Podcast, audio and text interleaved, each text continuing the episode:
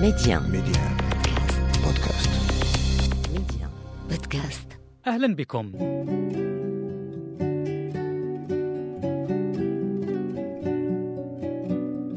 يجزم المسلمون إيمانا أن واقعة صلب المسيح عيسى بن مريم عليه السلام لم تحصل كواقعة عينية.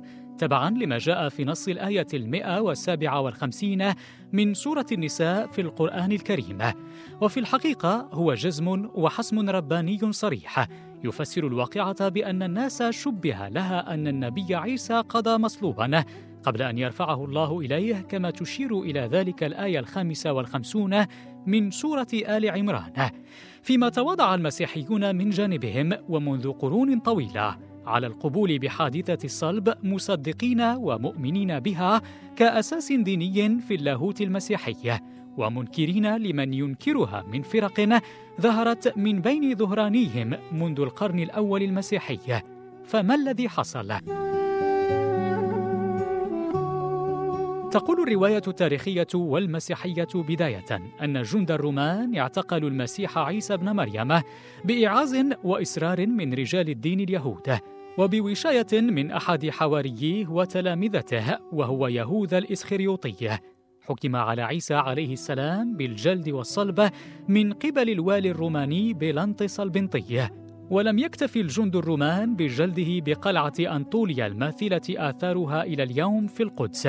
بل جدلوا له تاجا من شوكة وألبسوه رداء أرجوانيا استهزاء منه بوصفه ملكا. قبل أن يجبروه على شرب شراب مر وحمل صليبه بعد ذلك إهانة له ليمشي على درب يوصل إلى موقع يعرف بالجلجتة حيث حصل ما حصل لكن ماذا لو كانت واقعة الصلب هاته لم تحدث بنظر المسيحيين أنفسهم؟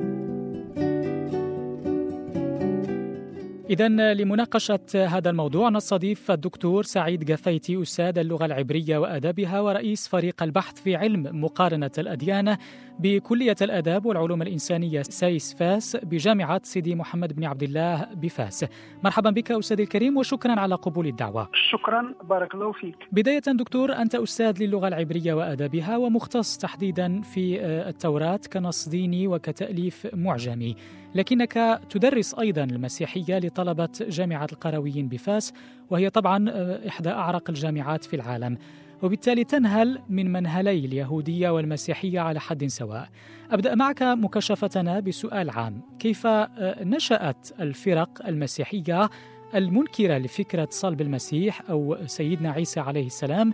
وهي فرق ظهرت منذ القرن الأول المسيحية بعضها يقول إنه لم يصلب وإنما صلب شخص آخر كان عابرا واستعين به لمساعدة سيدنا عيسى على حمل الصليب وهو المعروف يعني في الأدبيات المسيحية بسمعان القيرواني. وبعضها الآخر ينكر أصلا الطبيعة البشرية للسيد المسيح ويقول بأن من صلب هو مجرد هيئة له. كما تعلم تاريخ المسيحية يرتبط ارتباطا كبيرا باليهودية لأن المسيح نفسه كان كان يهوديا. وكان متمسكا إلى درجة كبيرة بالشعائر اليهودية والأمر كذلك ينطبق على الحواري الحواريين أو أو الرسل الاثنى عشر الذين كانوا ملازمين له. وفي حينما نؤرخ للمسيحية يجب أن نولي أهمية كبرى لما يسمى بالمسيحية المبكرة أي العقود الأولى التي أعقبت موت أو صلب عيسى عليه السلام لأن هذه المرحلة التاريخية كانت تعج بالمذاهب والحركات والفرق وحتى يعني المسيحية لم تكن يعني الصورة الصورة المسيحية لم تكن قد اكتملت بعد لأن الاكتمال أو يعني الصورة المستقلة للمسيحية كديانة كديانة جديدة لن تتحدد إلا مع بولس.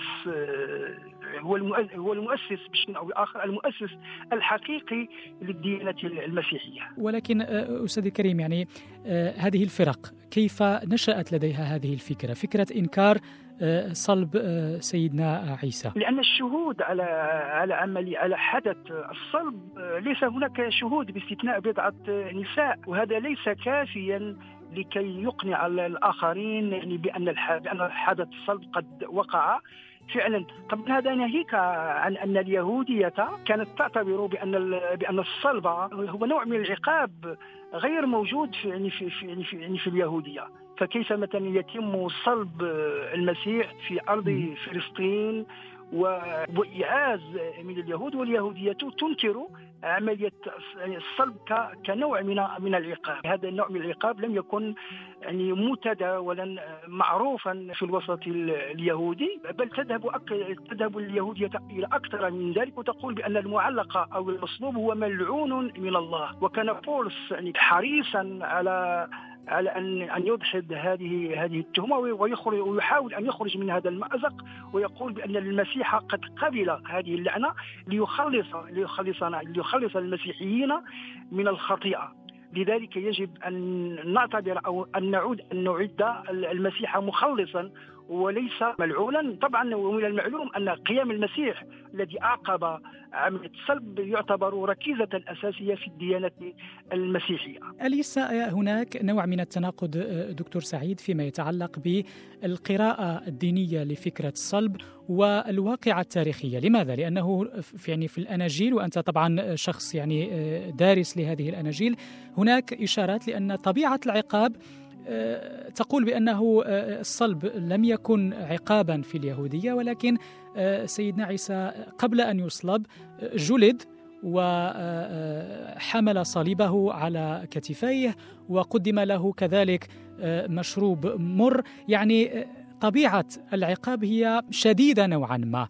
هل نتحدث هنا على فرق ما بين العقاب الروماني الذي مورس بحق السيد عيسى بن مريم أم أننا نتحدث عن قراءة دينية تاريخية؟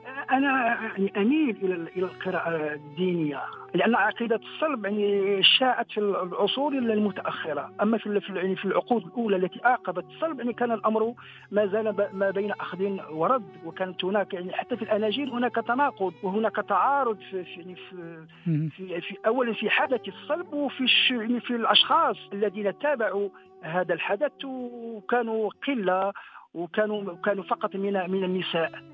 لأن أن الرسل أو الحواريين أنفسهم لم يكونوا حاضرين أثناء عملية الصلب. طيب آه، كما ذكرت سابقا بعض هذه الفرق بنت موقفها على أن المسيح عيسى بن مريم ليس له جسد بشري وإنما هو مجرد هيئة تشكلت لتبصرها أعين الناس وبالتالي إنكارها لفكرة آه، الصلب ليس مؤسسا على إنكار للحدث العيني الواقع وإنما من باب آه، التمييز بين المسيح البشر والمسيح الإله بحسب الاعتقاد المسيحي.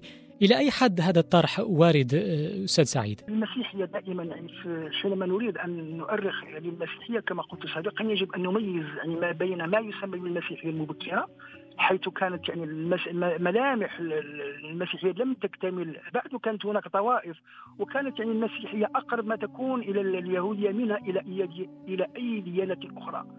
أما بعد ذلك وخاصة مع مع بولس الذي كان يهوديا وكان شديد الأداء للمسيحية ولكن حينما وقع التحول أصبح هو المؤسس للمسيحية خاصة أن ثقافته كانت رومانية يعني كان يجمع ما بين ما بين الإرث الإرث اليهودي كان متمسكا بيهوديته قبل التحول ثم كذلك ثقافته الثقافة الرومانية وكان خطيبا خطيبا مفوها وكذلك لا يجب أن نغفل حينما نؤرخ للمسيحية يعني نغفل الحديث أو الإشارة إلى إلى إلى الأناجيل الكثيرة غير الغير المعترف بها. يعني الأناجيل الأربعة التي وصلتنا والتي تعتبر جزءا من ما يسمى بالعهد الجديد لا تمثل إلا جزءا صغيرا من العدد الهائل من الأناجيل التي لو يعني تم الاعتراف بها لكانت ربما أكثر